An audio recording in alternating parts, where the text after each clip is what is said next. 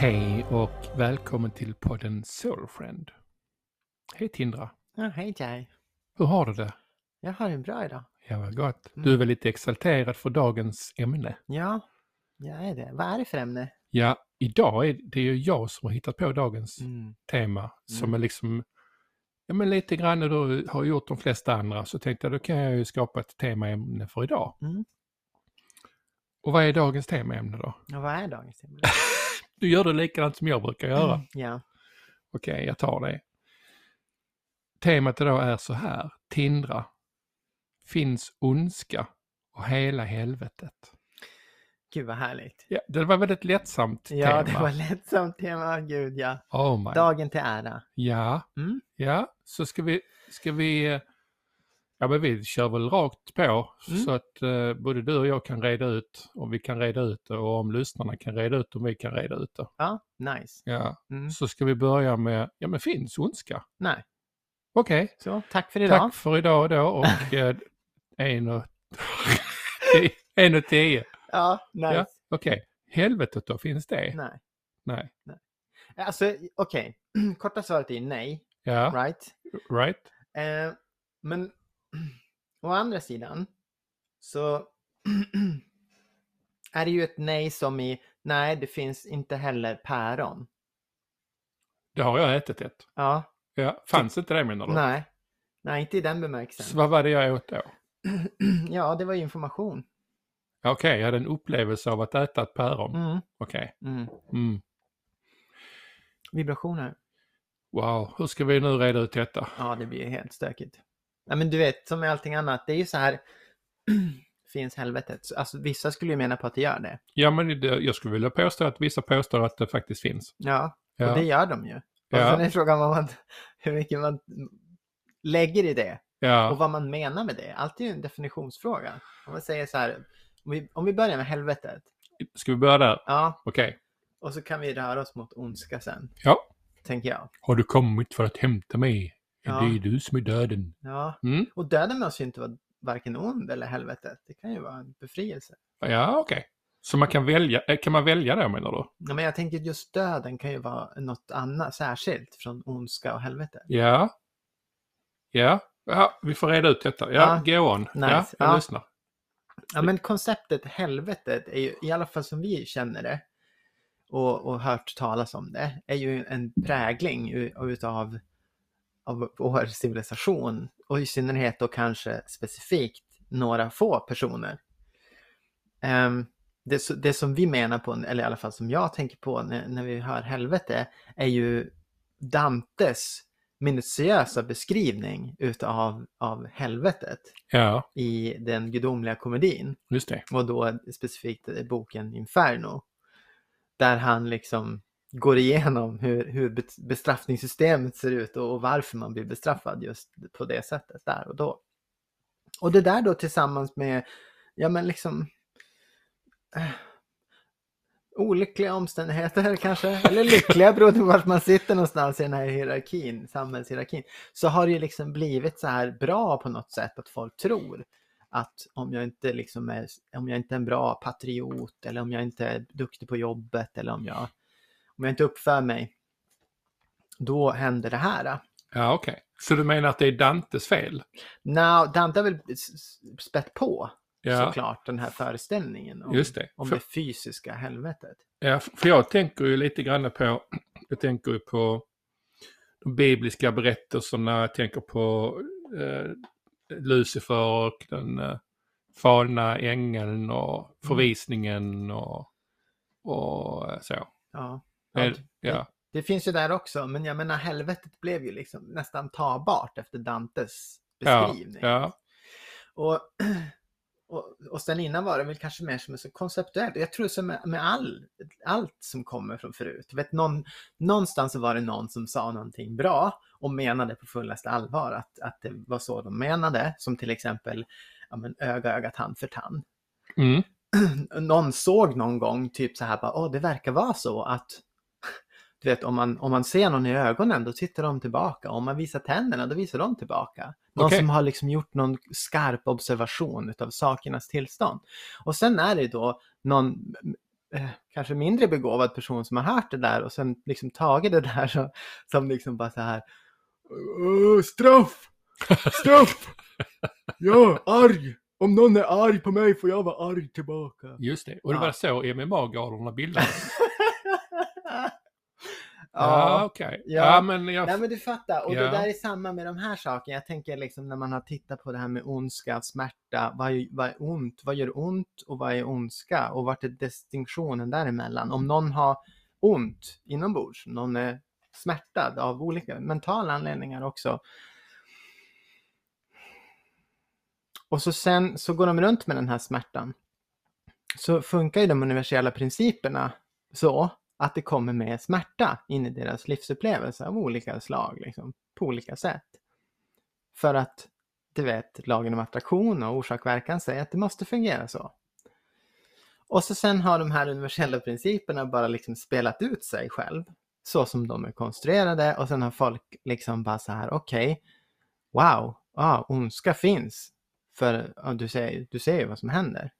Just det. Men på någonstans på vägen så har man liksom så här, man har förträngt grundorsaken till manifestationen och så säger man att ah, det verkar finnas en hemsk energi utanför mig som faktiskt existerar ut, oavsett om jag finns eller inte, oavsett vad jag upplever och inte, för jag känner ingenting och jag vet ingenting och jag upplever ingenting, men ändå så kommer dåliga saker.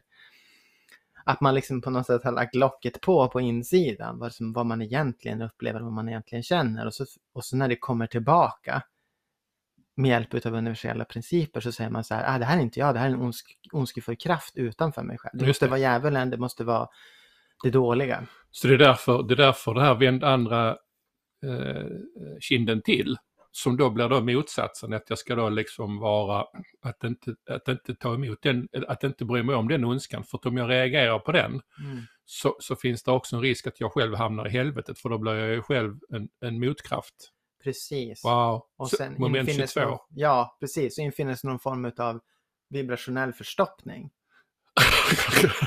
ja, då får man ta ett laxermedel. Ja, för att man känner vrede, men man får inte agera på Just det. vreden man känner. För då blir man ju ond själv. Ja, så nu måste man ju hitta ett, något sätt att få andra människor att göra dina biddings. Mm. Så det, eller köpa avlatsbrev eller vad som helst. Jag vet inte. jag tänker på, jag tänker på eh, ondska och helvetet. Eh, så tänker jag framförallt helvetet. Så tänker jag så här om jag går, går och blandar in kvantfysiken och blandar in en kurs i mirakler eller oneness.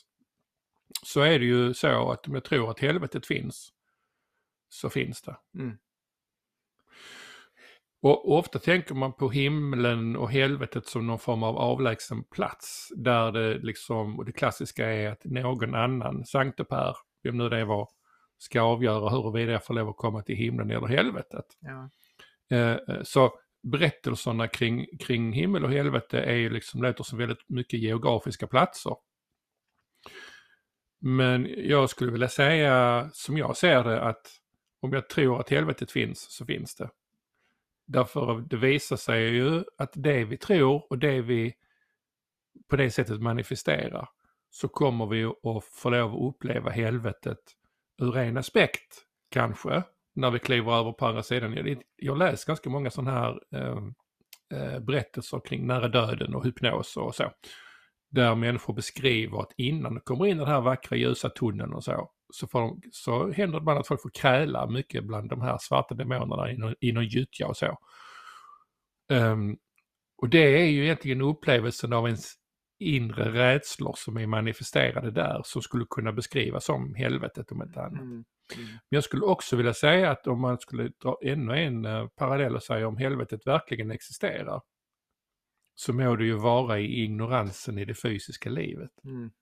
Där Mm. bor helvetet om inte annat. Ja. Så man kan befinna sig ur en mänsklig aspekt i helvetet genom att man, att man verkligen bara lever efter sina rädslor. Är helt omedveten om ens fantastiska inneboende stor, storhet och ljus. Mm. Eh, så om inte det är helvetet så vet jag inte vad det skulle vara. Och som himlen är inte heller en plats utan himlen är ju i oss. Vi är himlen. Mm. Eh, Så det är redan fysiska platser. Och jag tror att de här orden och beteckningarna egentligen bara är symboler för någonting från början som handlar om separation. I, den, i liksom tillblivelsen av separation där allting är, ja men som jag pratat om innan, yin och yang och ont och gott och ljust och mörkt och whatever det nu än kan vara. Separation, här är du, här är jag. Så måste det finnas någon form av motpol till eh, det ena och det andra och där är ju kärleken eller rädsla. Mm. Eller ljust eller mörker. Och, och så, så, så jag tror att helvetet egentligen bara är en symbol för det. Mm.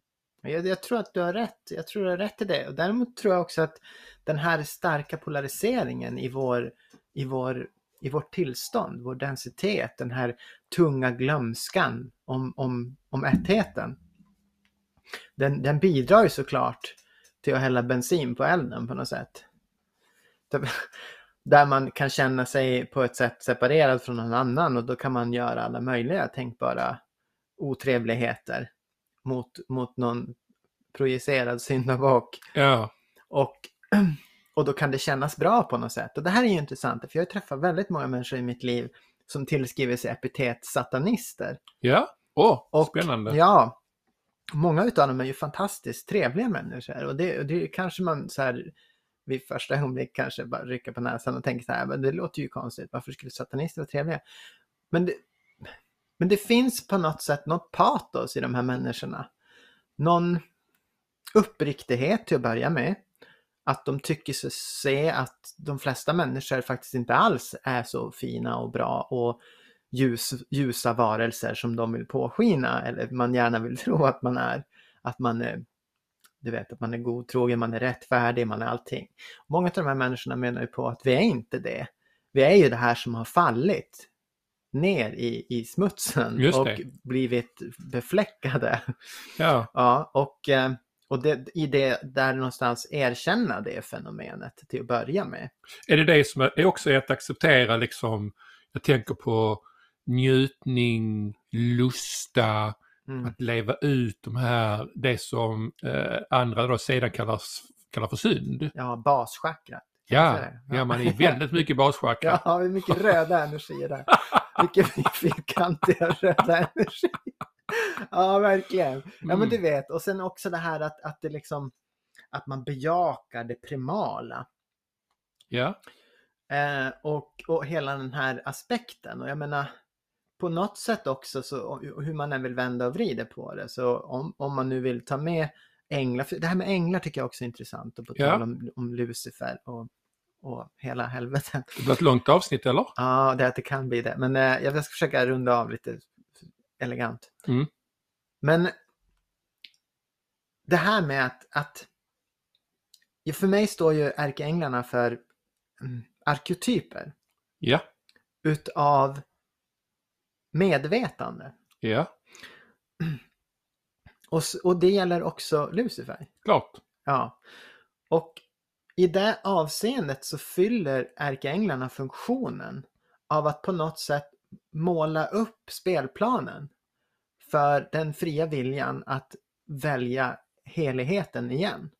Och som du precis säger, i, på en sån spelplan så utmålar sig också polariteter och sådana saker och därutav så fyller liksom Lucifer en funktion i att den på något sätt, precis som en stoppskylt i trafiken.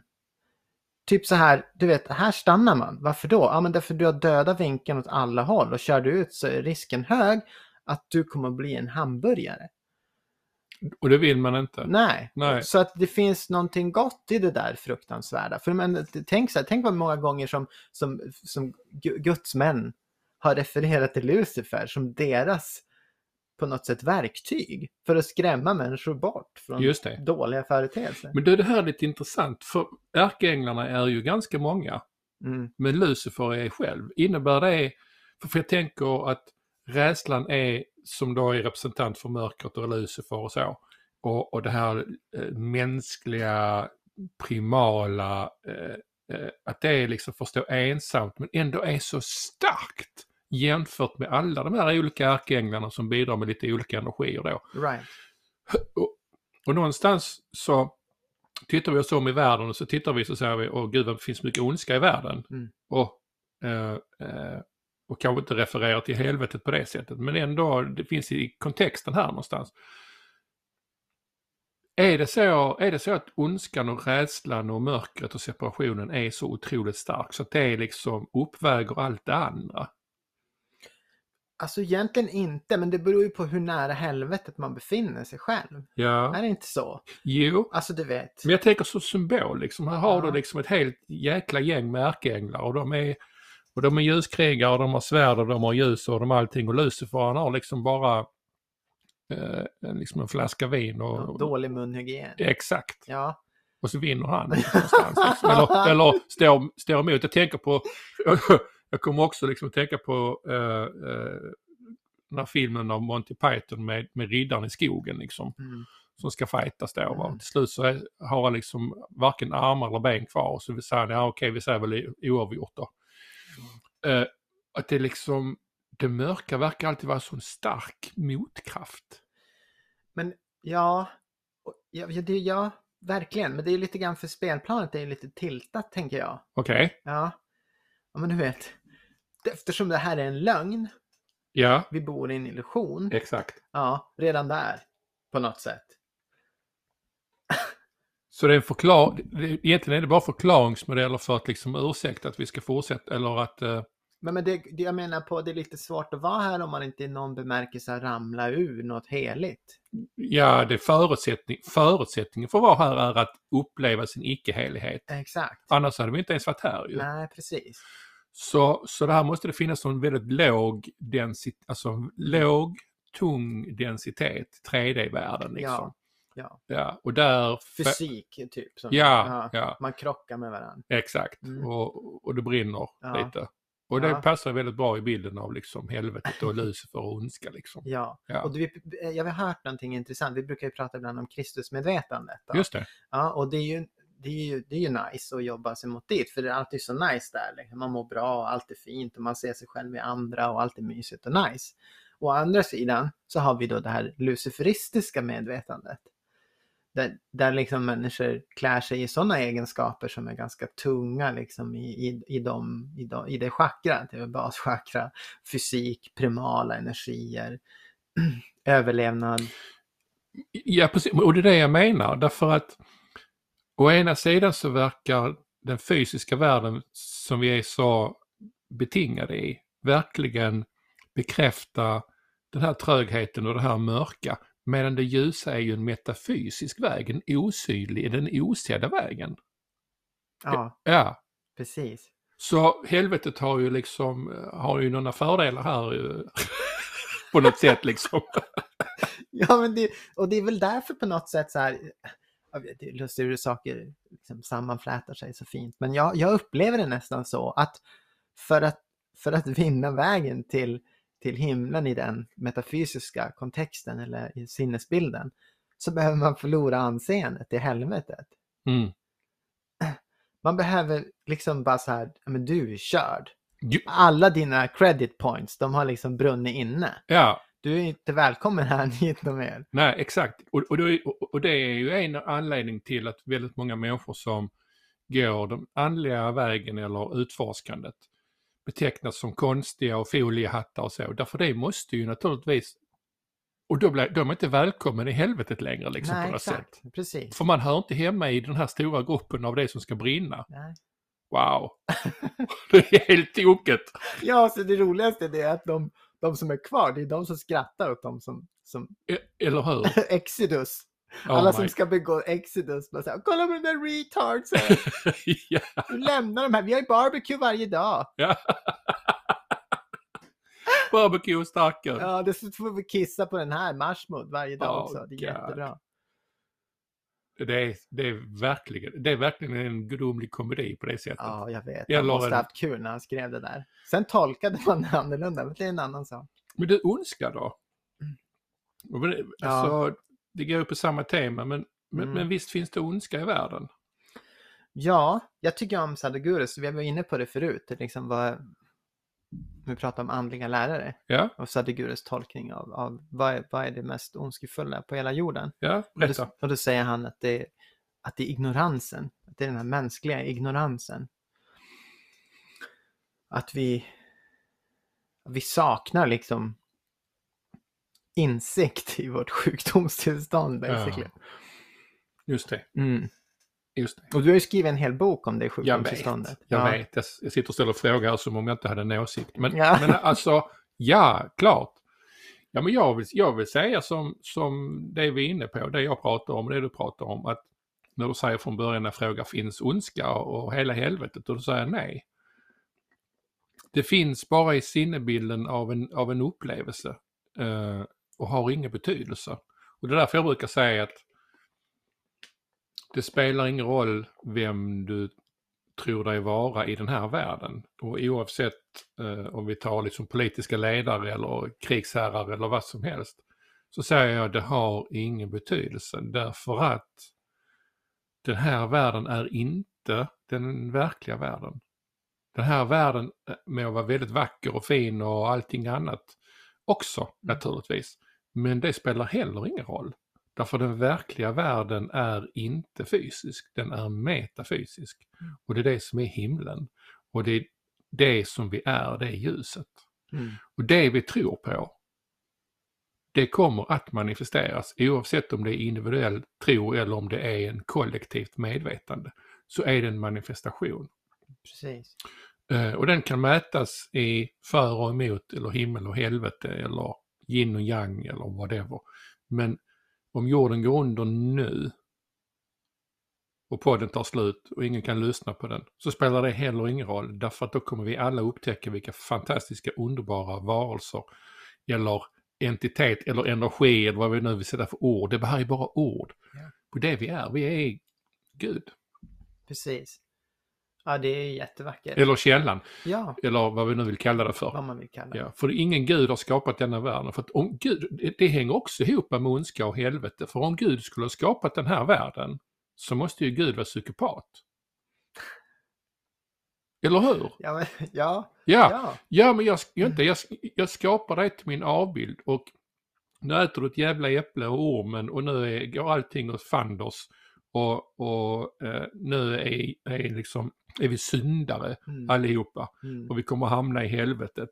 Och framförallt om vi inte följer liksom eh, eh, Bibeln eller någon annan religion liksom ordagrant och så. Som då är en tolk... Alltså, det, det, här, det, det är så rubbat så det är knappt sant. Det är allt det vackra i mysticismen som finns i samtliga religioner som är ett sätt att nå upplysning eller Gud. Tolkas av människor som knappt är torra bakom öronen mentalt. Som sen ska förmedla till alla andra i den mänskliga upplevelsen av att om du inte gör så här så är du rökt. Mm. Ja, det är ju helt snurrigt. Och samtidigt så går det hem. Det är ännu snurrigare. Ja, Är inte det ännu snurrigare? jo, Om, om du säger så här, bara, men här sitter någonting som inte ens är torrt bakom de mentala öronen och bara liksom spottar ur floskler och märkliga tolkningar till höger och vänster.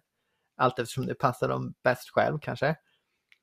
Å andra sidan sitter det någon mottagare på andra sidan och köper konceptet. ja. Och sen sitter vi här och pratar om det så Om att vi det. också Ja, deltar. Alltså det är ju, det är ju bananas. Ja, det är så bananas. Och jag håller med dig om att det finns ju liksom något, något vansinnigt över det. Mm. Ehm, just det här att återskapa en värld som man känner avsky inför. Bara där till att börja med kan man ju känna att det svajar lite grann. Och du, det här ordet är jätteintressant. Mm. Vansinnet. Mm. Sinnet är vant Mm. vid det det ser, tror sig se och uppleva. Mm. Vilket då kan vara mörker och helvete och syndare eller vad som helst. Ja, framförallt separation. Eller hur? Mm. Ja, och då blir det så svårt att härleda sakerna, alltså omständigheterna till, till orsak-verkan. Det blir så svårt att, att se, se liksom vad det är som gör vad. Och Det Ja. blir så svårt att se var ondskan kommer ifrån. Och då blir det så väldigt lätt tror jag att kalla det för en egen kraft. För det där, det där tycker jag är, det där är viktigt att förstå. Att ursprunget är detsamma, kraften är densamma. Kraften som har skapat den värld som vi upplever, som vi det. kallar för, för den här utsträckningen, formens värld. Den är, den har samma ursprung. Mm. Den är, precis som kvantfysikerna säger, en konstruktion av mindet som upplever den. Just det. Ja, Säg det en gång till, för det här kan jag tror inte det kan sägas tillräckligt många gånger. världen vi upplever är en konstruktion av mindet som upplever världen. Just det. Så, forskningen säger det, mystikerna säger det, Mm. när ska vi börja lyssna? Ja. När ska vi, när vill, man, vill man höra det? När vill När man höra det? Ja, frågan är när man vill höra det. Vill man höra det när man ser någon liksom gå lös på någon annan helt besinningslöst eller när man ser Mm. allt det här som vi vill projicera som Och då kan ju ondska? någon säga, ja men jag kan ju för sjutton inte vara ansvarig för, för kriget i Ukraina och, och det är väl inte mitt fel. Mm. Ja, Okej, ja, men smaka på den här då. Så det är kriget du har inom dig själv. Var tror du det hamnar någonstans? Mm. Men, och du vet, där, där någonstans blir det ju liksom kognitiv dissonans. För att det blir så här, bara, men du, det spelar väl ingen roll om jag är arg på brevbäraren. Herregud, det måste ju finnas någon rim och reson, right? Det Exakt. kommer rim och reson in. Ja, För på något sätt, liksom bara, nej men så allvarligt är det ju inte. Och då blir det så här butterfly-effekten, det är lite obskyrt. Ja, ja, en diffus idé om att ett vingslag kan skapa eh, storm. Ja, tsunamis ja. här på andra Ja, sidan ja. jorden. Men, och- utan att förstå att liknelsen handlar ju om just det du, du målade nu. ja, Att om jag är i konflikt med min direkta omgivning, i förlängningen så utspelar det sig där det lättast tenderar att flamma upp. för att det är ju inte bara jag som är förbannad på brevbäraren. Brevbäraren är förbannad på sin chef och chefen är förbannad på sin fru som är förbannad på hunden Ja, som är förbannad på grannen som sågar ner ett träd. Och trädet blir också, alltså ja. det är ju, det, Symboler för auktoriteter känner jag mycket sista tiden också. och att vara förbannad Mm, är ju knutet till ordet förbannelse. ja. Vi är besatta, Mm. vi är besatta av kriget inom oss själva som vi inte kan stå ut med så vi måste lägga det på någon annan. ja. Och vi känner oss rättfärdigade. Och det är det som Sadhguru pra- pratar om, det är ju ignoransen. Mm. Ja, Ignorans. precis. För hur, varför spelar det någon roll om man har rätt om man mår som ett spann skit? Nej. Ja, men det kan ju omöjligt vara Det är det kissa i byxan. Just skönt, det är skönt fem minuter, det är varmt och gott. Ja, och sen det speciellt när det är lite... minusgrader ute. Ah, fy, ja, precis. Ja, och så blir det som i Dum Dummare, du vet när man kört mopeden till Alperna. Eller vad det, är. ja, det är ju hur bra som helst. Mm. Så om nu inte ondska finns och helvetet inte existerar. Vad är det som existerar? Mm. Vad är det, vad är det som, är, som buddhisterna beskriver som sanningen? Vad är det som kristendomen, i alla fall i sin kärna, beskriver som Gud? Ja, det är motsatsen till det. I en kurs i, Totala motsatsen. ja, en kurs i mirakler beskriver det här på, på ett lite annorlunda sätt.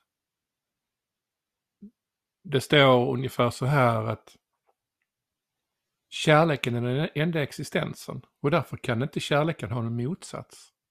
Det kan inte finnas någon motsats till någon, om det är enda existensen, eller hur? Mm, nej, det Nej. kan det inte. Så om enda existensen är Gud, eller enda existensen är oneness, eller enda existensen är etthet, Mm.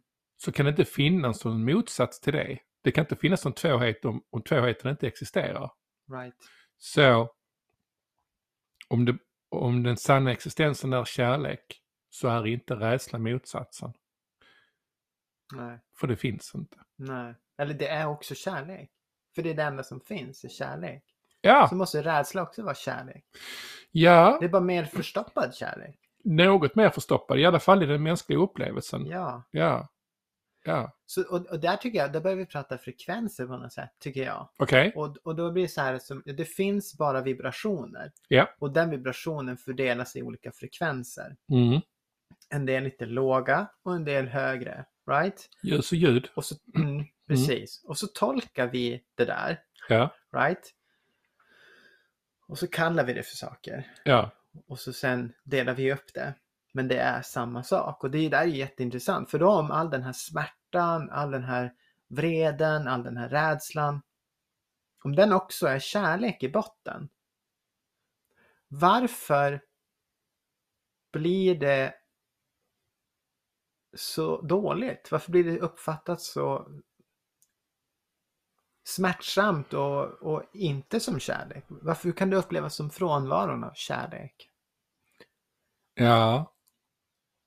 Alltså det är en knepig fråga. Jag kan inte säga att rädsla är också kärlek.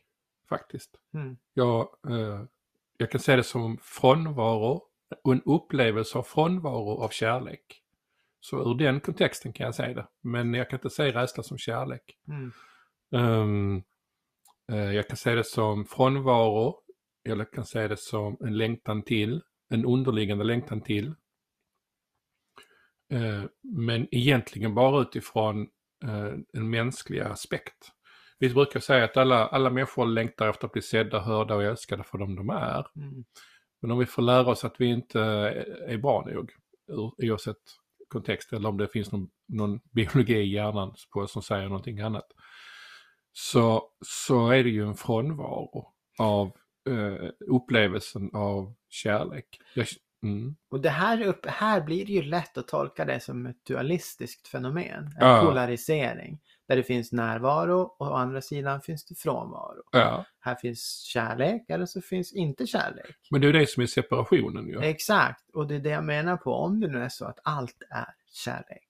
Mm. Verkligen allting som existerar är kärlek. Det Ja. finns inget annat än kärlek. Då blir det så här. Vad skulle vara den mest kärleksfulla tolkningen av rädsla? Den mest, du vet, fördelen av ett tvivel. Hur, vad, vad är kärleken i rädslan? Ja, jag skulle uttrycka det som upplevelse av frånvaro av kärlek. Eller möjligtvis längtan hem till Gud. Ja, det där tycker jag är vackert. Längtan hem till gudomligheten. Ja, För, ja, ja. Och rädslan är ju bara ett missriktat tvivel om absolut. att det inte skulle förhålla sig så att man är välkommen hem. Det, är som om, det som om en tanke har smugit sig in i sinnet Ja, och sagt detta. Jag är separerad ifrån, ja. som vattendroppen ifrån En hela havet. misstanke. Ja, Man har missat en tanke. tanke. Ja, Ja, ja. ja, Och misstag innebär ju ta miste. ja. Ja. Så någonstans i det här så är ord är ord Mm, och ord för, är ord för symboler. mm, Och symboler är bara en symbol för det som inte kan mm. Men här händer något nu känner jag. ses och höras och... Wow. Jag, du vet, vi pratade om det här med kärleken i rädslan. Mhm. Här, här kommer ju någonting vackert. Ja, Compassion. ja, Medkänsla. ja. Hur skulle medkänsla vara möjligt i en värld utan rädsla? Helt omöjligt. Och hur vacker är inte compassion? Det är hur vackert som helst. Så i den bemärkelsen så bor medkänsla i någon mär- bemärkelse i rädslan. Ja, ja, exakt. Därf- ja, jag fattar. Och det är därför någon kanske går tillbaka här nu när jag säger liksom att eh, den här världen spelar ingen roll. Det spelar ingen roll vad vi gör i den här världen.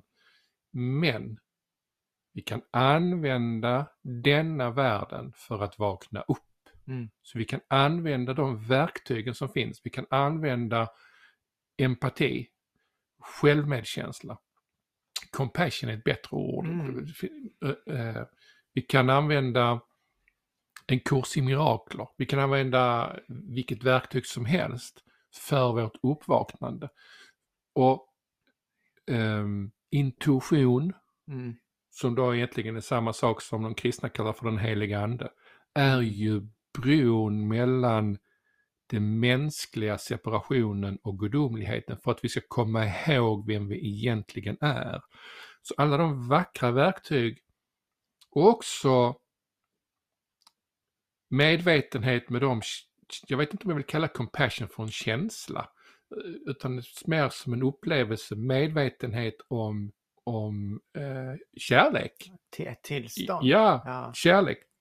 Att använda de verktygen för att vakna upp och inse att den verkliga världen är inte denna världen. Denna världen är fängelset eller helvetet eller, eller whatever.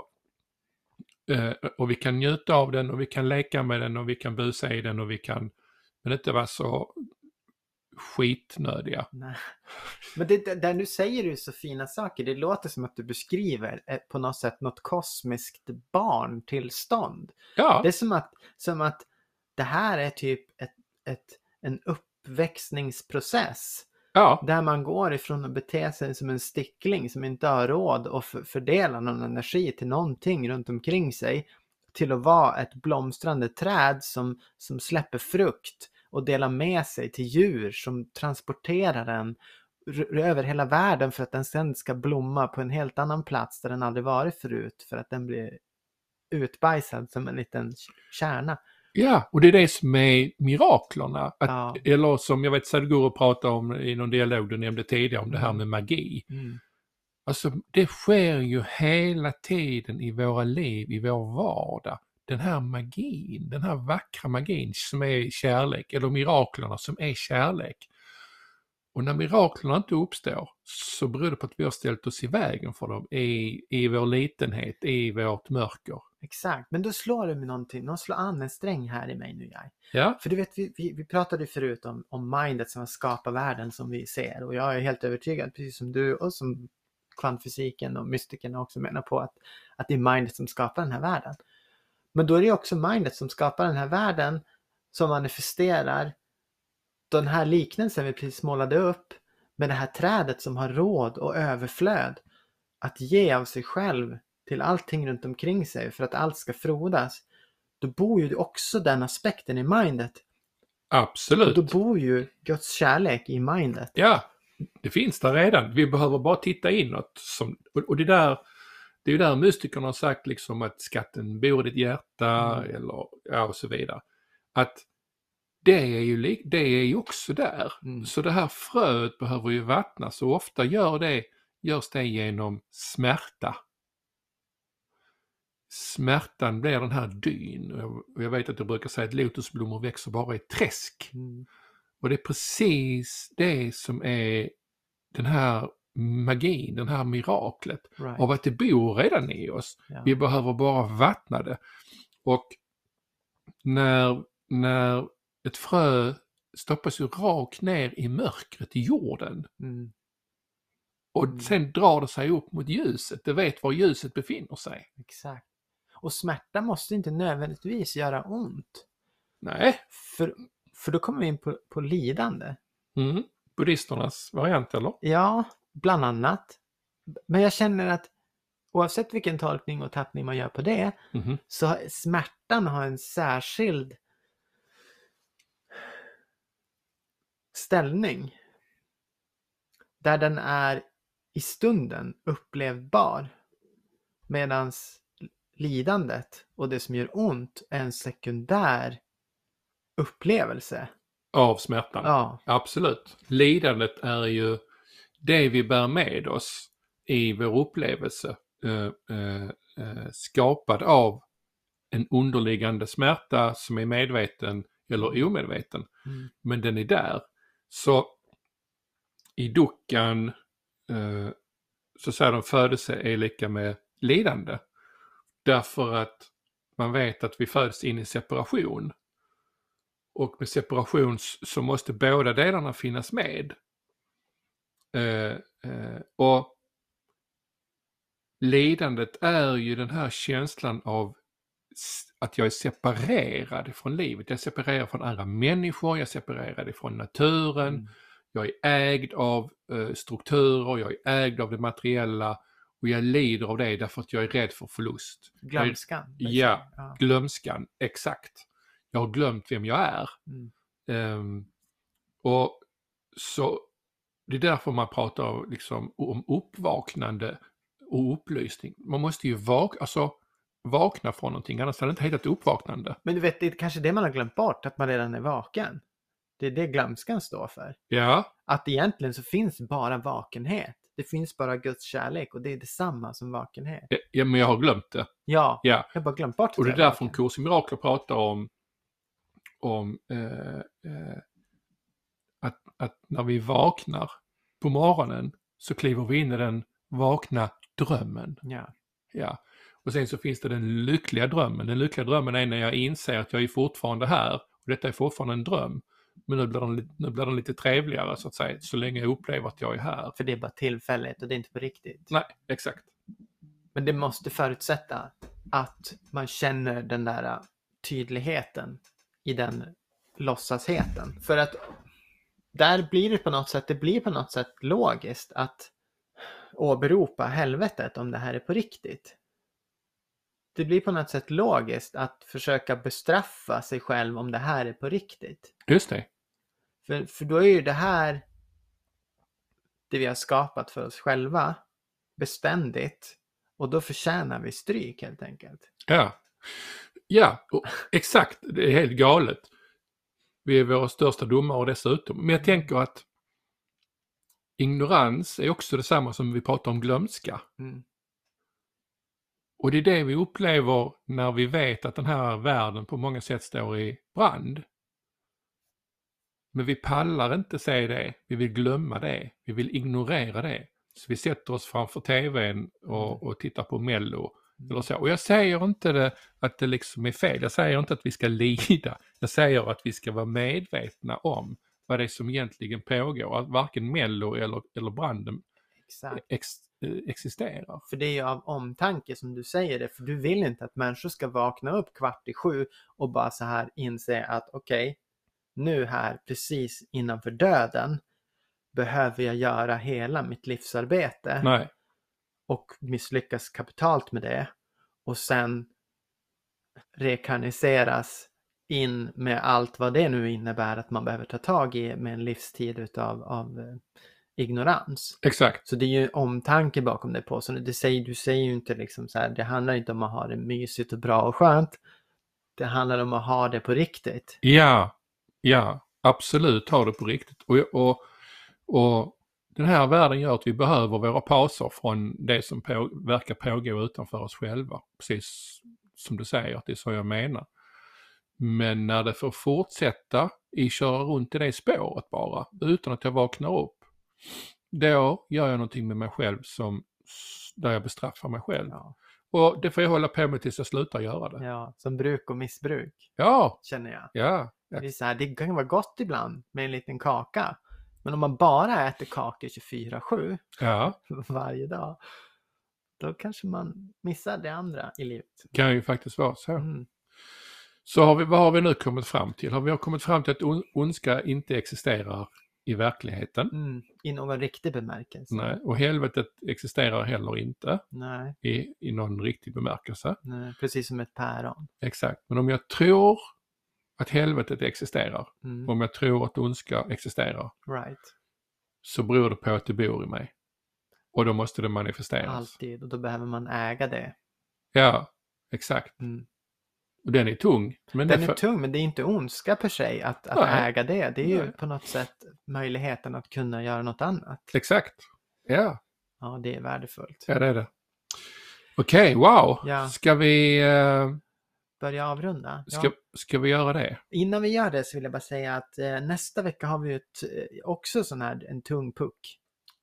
Ja, just det. Ja, För då ska vi göra HLR på Gud. på Gud. Wow. Wow. Har någon försökt det någonsin genom världshistoriens alla tider? Ja, kan, kanske. Ja, Kanske. Vi kanske ska utforska det till nästa vecka och se vad vi hittar på någonting. Ja.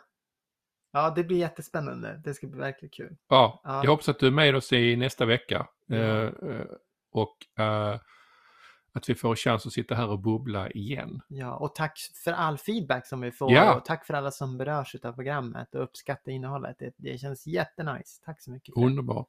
Tusen tack Tindra för idag. Tack för idag, Jan.